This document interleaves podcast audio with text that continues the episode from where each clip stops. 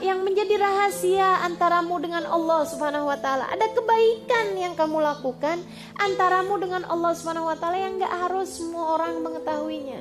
Kalau setiap kali kita berbuat baik kemudian kita update di status, setiap sedekahmu engkau tuliskan di media sosial, setiap kebaikan apa pun yang kau lakukan kemudian menjadi rahasia umum antaramu dengan sesama hamba-hambanya Allah.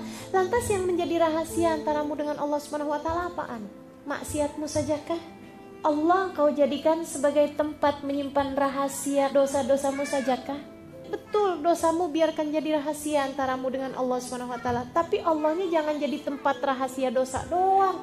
Seharusnya dia kita jadikan rahasia untuk dosa-dosa kita. Untuk saat mata kita melihat pemandangan yang haram, tontonan yang haram, tapi jadikan Allah juga sebagai rahasia. Air matamu mengalir karena takut dosa. Air matamu menetes karena taubat kepada Allah Ta'ala. Allah jadi rahasia. Kamu begadangin malam-malammu untuk membaca firman-Nya.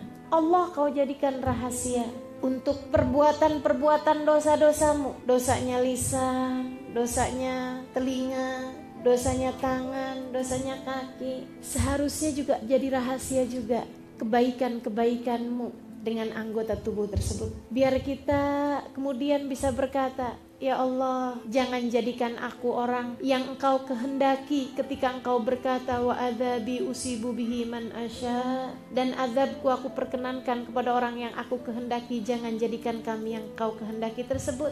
Meskipun kau tahu berbagai macam dosa telah aku perbuat ya Allah akan tetapi masukkan aku sebagai peraih rahmatmu sebab aku adalah bagian dari sesuatu. Ketika engkau menyebutkan warahmati wasiat kullasyai dan rahmatku melingkupi segala sesuatu. Kata Allah rahmatku itu aku berikan buat orang-orang yang bertakwa yang berbuat kebaikan.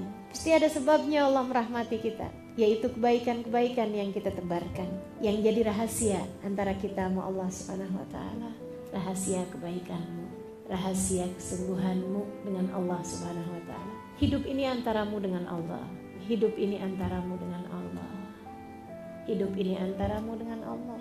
Nanti kamu masuk ke dalam kuburan, gak akan ada orang-orang kok yang kemudian bilang bahwa dia orang baik loh, dia begini loh, nggak ada, nggak ada, nggak ada. Masuk kubur sendirian, di padang mahsyar sendiri, di mana-mana sendiri, karena kita pada dasarnya adalah sendiri. Kita dan Allah. Kita dan Allah.